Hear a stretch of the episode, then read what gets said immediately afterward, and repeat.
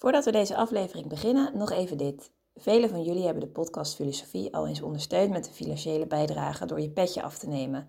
Daar zijn we super blij mee en daarmee draag je ook echt iets bij en maak je onze podcast mede mogelijk. Zo ook Boy en Jan die recentelijk hun petje af hebben genomen. Super veel dank daarvoor.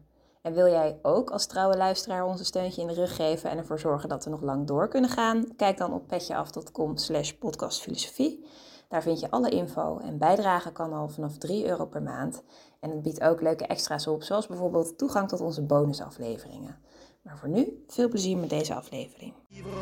Nog even een korte update over ons live event van 13 oktober aanstaande.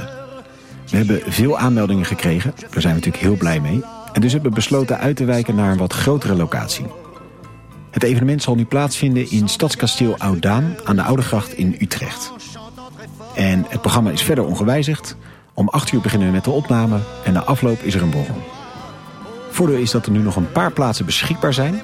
Dus wil je komen, meld je aan via judith.centre-erasme.nl We kijken ernaar uit om jullie allemaal te begroeten. Heel graag tot dan.